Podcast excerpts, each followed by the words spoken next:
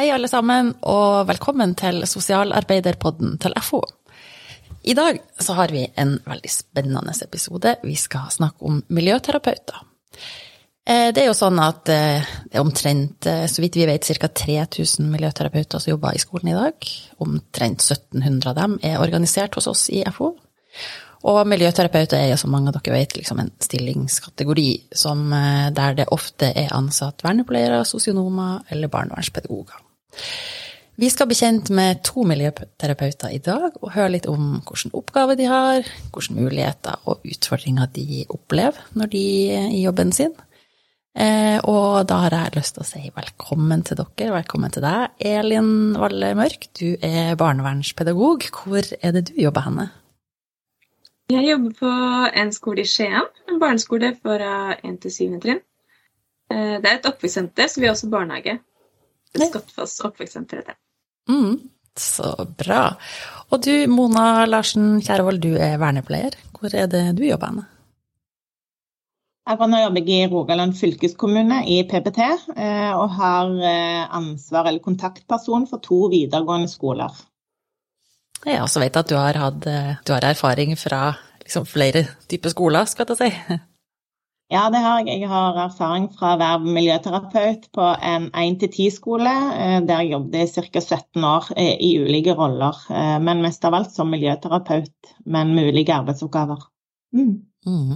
Så bra. Da tror jeg at dere to liksom til sammen kan være med og ja, fortelle lytterne litt om hvordan, hvordan er det egentlig å være miljøterapeut, og hvilke ja, oppgaver har man. og jeg vet ikke, Elin, først, hva er det du gjør som miljøterapeut på din skole? Hva er oppgavene dine? Det er jo veldig variert, og det er det jeg liker så godt med jobben min. da, At uh, dagene er ikke like. Men uh, sånn i grov trekk så jobber jeg mye med enkeltbarn. Uh, har, de, har mye samtaler og har litt grupper. Har litt miljøskapte tiltak for hele skolen. Men sånn utgangspunktet skal være forebyggende arbeid, men det blir jo også litt brannslukking, da. Plutselig dukker opp i løpet av dagen jobber mye med foresatte og hjelpeinstanser. Og eh, Mona, hvordan eh, oppgaver er det du har i din jobb?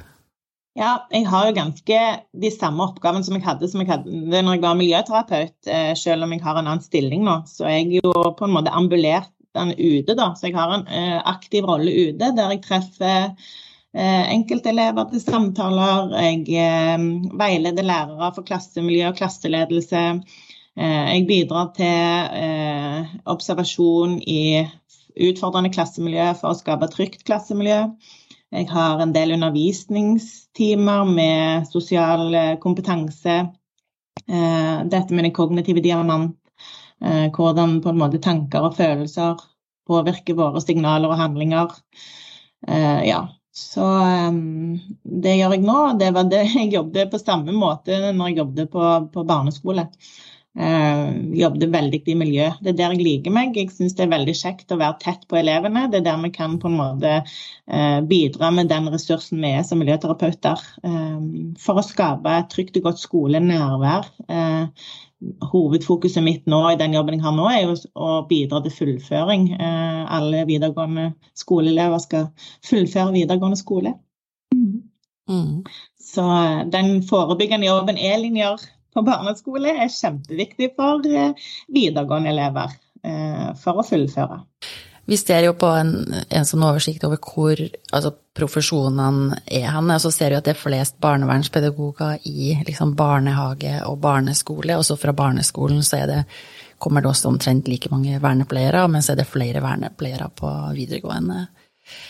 Eh, Elin, du eh, jobber jo i barneskole. Hva er det du tenker som gjør at eh, barnevernspedagogen er så viktig på den arenaen? Nei, jeg tror nok eh, alle de tre profesjonene kan gjøre en god jobb på barneskole også. Eh, men vi har jo på en måte spesialisert oss på det fra spedbarnsalder til opp til 18 år, da.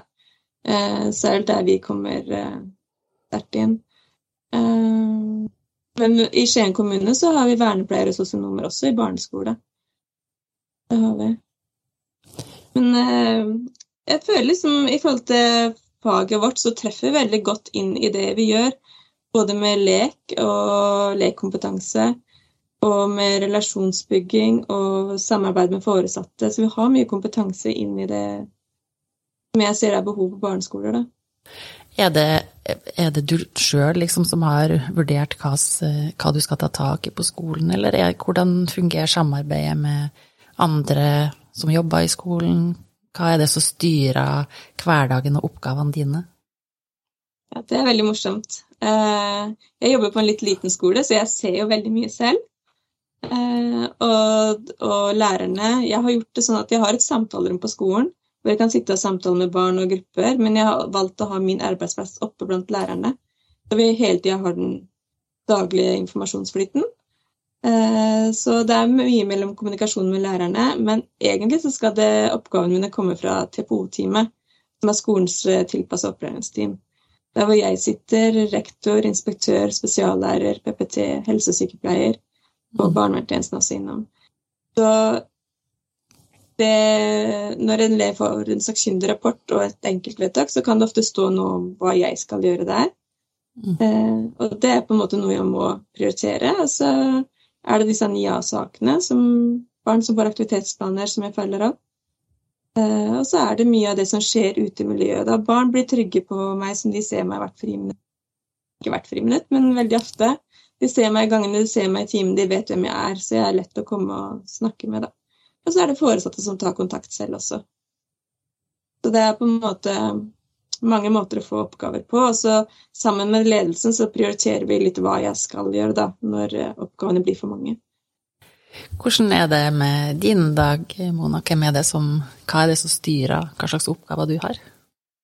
Ja, det, det, blir på samme måte som Elin, egentlig. Det, jeg styrer jo dagene en del sjøl. Eh, jeg får henvisninger til meg fra elever, eh, foresatte eller skoler. Mest skoler. Eh, jeg skriver jo sakkyndige vurderinger, der jeg anbefaler gjerne ofte miljøterapeut eller miljøterapeutiske tiltak.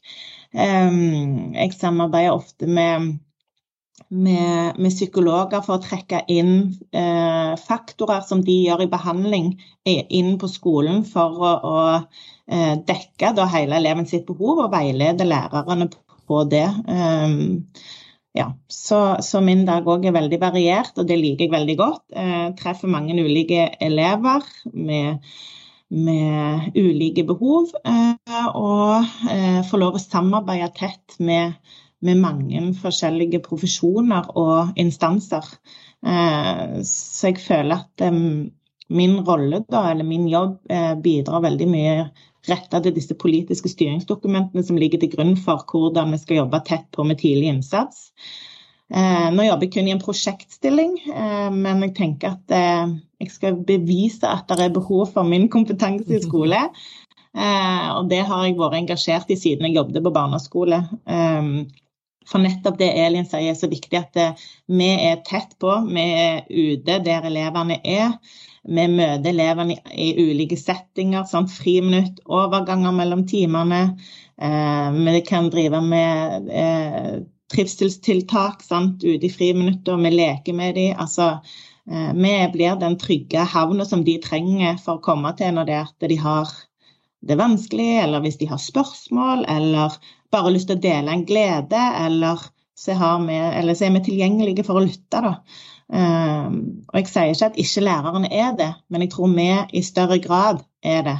For læreren har en annen eh, rolle i skole. Sant? De skal drive undervisning, eh, ha planleggingstid, forberede timer. Um, så de har ikke like stor handlingsrom som vi som miljøterapeuter har. Dere, eh, vi snakka jo om det litt før vi begynte sendinga i dag også, om eh, liksom at, at, man har ulike roller. og Hvordan opplever dere samarbeidet med lærerne? Jeg, eh, jeg har jobba på skolen i 16 år, på samme skolen nå, så jeg kjenner det jo veldig godt. Det som jeg har opplevd da jeg kom fra ungdomspsykiatrisk, så så at det var et stort behov for at jeg måtte formidle hva jeg kunne bidra med inn i skolen. da. Sånn at de kunne kjenne mine min kompetanse. Så det jeg, brukte jeg mye tid i starten. Og så tar jeg meg litt sjøl av og til, ofte når man får en student på besøk nå, at man kanskje må være flinkere til å fortelle dem hva vi kan bidra med inn. da. Eh, men jeg syns jeg har et veldig godt eh, samarbeid med lærerne. De setter pris på at vi er der, for det, det tar jo litt av eh, belastninga deres også. Og så kan vi bruke, snakke mye, drøfte mye og gi veiledning i forhold til dette med telefoner hjem, samarbeid med familier, hvordan de skal møte de ulike barna. Vi har et veldig sånn tett samarbeid hele tiden. Eh, ja, vi jobber tett med ledelsen og føler at informasjonsflyten går ganske fint. Mm. Hvordan er det for deg, Mona? Du sa jo litt om det i sted, at du samarbeider med lærere. Men hvordan, du, hvordan opplever du at det fungerer? Ja, nå er jeg så heldig da, så jeg har fått sånn eh, spredt erfaringen min fra både barneskole, ungdomsskole og videregående. Jeg har jo hele spekteret. Hvis jeg sammenligner den rollen jeg har nå eh, fra den rollen jeg hadde når jeg var på grunnskole, så, så tenker jeg jo at lærerne er mer åpne for innspill og et mye tettere samarbeid nå eh, i videregående. Eh, det kan jo også henge sammen med at nå har vi tre år med korona. De elevene som kommer på videregående, har store læringshull. Eh, og det å bare være elev med å gå på skole kan være en utfordring. Eh, men, men, men, jeg samarbeider veldig tett og kjenner på at vi kan klare å skape noe sammen som bidrar til en endring hos elev. Og det syns jeg er kult. Det er givende. Um, og det handler ikke om at uh, min profesjon er sterkere enn din, eller sånn. Det blir ikke den profesjonskampen, men det er litt sånn, vi, vi, ser på ting på en ulik måte. Hvordan kan vi sammen bidra til noe som kan skje til det beste for denne eleven? Uh, nå tenker jeg sånn, hva tenker du om det? Uh, hvordan kan vi sammen sette dette ut i praksis? Så det er litt kult, altså, den endringen som jeg ser har skjedd, iallfall i videregående. Uh, for du snakket om at det var mange vernepleiere i videregående som miljøterapeuter. og Eh, sånn som jeg ser det, så er gjerne det ofte på disse eh, altså tilrettelagte avdelingene. Eh, ikke ute i miljøet, spesielt på skolene. Det er veldig ulikt på videregående skoler hvor mange miljøterapeuter, eller om de har miljøterapeuter i det hele tatt. Så, så de skolene jeg er på, så er den eh, ressursen sårt trengt, da. Spesielt nå etter covid. Eh, for å være tett på, for å bidra til skolenærvær, for å bidra til fullføring. Eh, på barneskole og ungdomsskole, da opplevde jeg veldig ulikt samarbeid. De lærerne jeg jobba tettest med i de klassene jeg hadde oppfylling av enkeltelever eller klassemiljø, eh, jobbet jeg kjempegodt med. De satte sykt stor pris på den ressursen jeg var, den tilgjengeligheten jeg var, for å, å bidra til det klassemiljøet, den enkelte elev. Men, men, så hadde jeg jo opplevelser med ja, spesialpedagoger som kanskje kom inn og så på og lurte, altså stilte spørsmål med den jobben jeg gjorde i forhold til er dette behandling. Eh, for det skal en ikke drive med i skole. Eh, for skole er en lærendes arena, fikk jeg ofte beskjed om. Det er ingen behandlingsarena. Eh, og da blir jeg litt sånn Men hva er egentlig behandling? Og hva er egentlig Altså går det an å skille det, da? For læring og, og, og utvikling tenker jeg henger veldig tett sammen. Eh, og når en driver gjerne med emosjonsregulering for å bidra til elevrolle, er det behandling eller er det utvikling for læring? Så vi hadde noen sånne gode diskusjoner da, så jeg tenker at det er, er kult, eh, og det bidrar til endring i skolesystemet.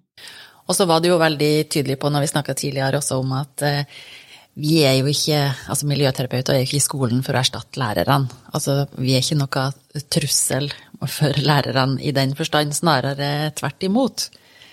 Um, og i, i, den anledning så tenker jeg at uh, du, Mona, du jo, er jo også litt kjent for det engasjementet ditt i denne jeg vet ikke hva skal kalle grasrotbevegelsen, nasjonalt krav om miljøterapeut i skolen. Vil du si litt uh, om det? Mm. Ja, det er jo han eh, Trond Spurkeland som satte dette i gang, da. Så det med, da tente jo jeg på det med en gang. For det var sånn Yes, endelig så er det noen som på en måte lufter dette, for det er så viktig. Eh, så vi har jo fått Vi vokser jo hver dag. Vi får jo nye, nye tilhengere eller nye medlemmer på den Facebook-gruppen som vi har hver dag. Så nå er vi jo oppe i 4500, da ca. Og har blitt invitert eh, inn i ulike politiske fora eh, for å snakke spesielt om, om miljøterapeuters rolle i skole. Um, og Det er jo i tråd med stortingsmelding 6 f.eks. Eh, tett på tidlig innsats. Eh, mestre hele livet, psykisk helse. Det er òg i tråd med den nye Hurdalsplattformen til den nye regjeringen i forhold til at de har spesifikt skrevet at de vil styrke skolehelsetjenesten med miljøterapeuter. Så vi er jo litt i vinden, vi som er miljøterapeuter. Men eh, jeg tenker litt sånn som så Elin også sa innledningsvis, at det handler om å stadfeste det i ledelsen hos den enkelte skole. Det handler om å jobbe for en arbeidskontrakt som på en måte påpeker på hva ressurs vi er. Eh, og at vi òg får gjerne en arbeidsinstruksavtale eh, som eh, gir oss et grunnlag for å ikke bekymre oss for neste skoleårs budsjett. Blir vi kutta, eller blir vi endra i stilling, eller blir vi flytta? For kontinuitet i arbeidsforhold er jo kjempeviktig for oss som er miljøterapeuter òg. Og det skaper kontinuitet for elevene når de vet at vi er der over lengre tid. Så apropos hva FO kan bidra med for miljøterapeuter, så spiller jeg den ballen videre over til dere.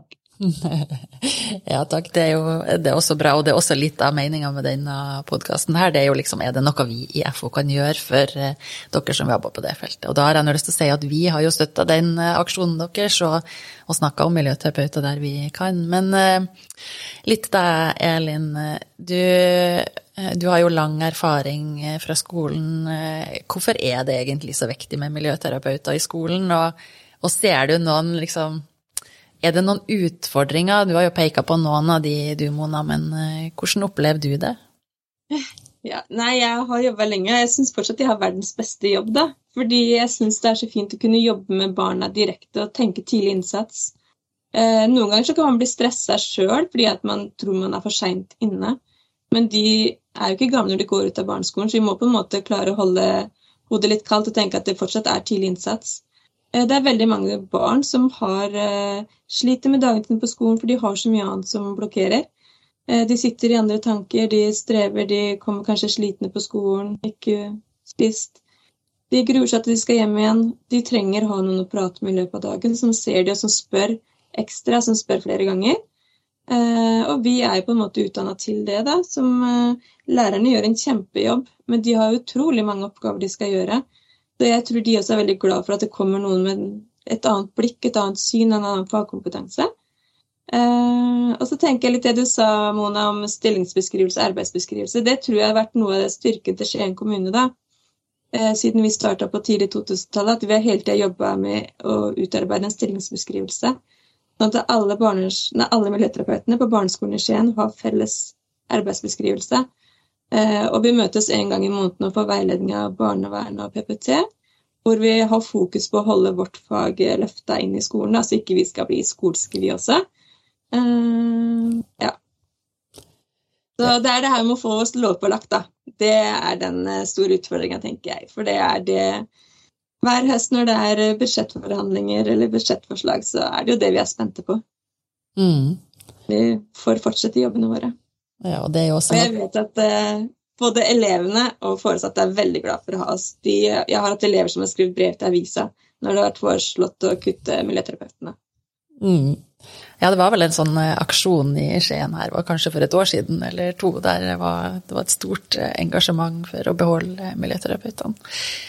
Veldig veldig spennende å høre på dere. Dere har gitt oss nå, i FO noen utfordringer til å jobbe videre med. Lovfesting av miljøterapeuter er én ting. Er det noe annet dere har lyst til å enten si til de som hører på, som kanskje vurderer skulle jeg søkt på en jobb som miljøterapeut eller ikke? Er det noe dere vil eh, si til dem som vurderer det?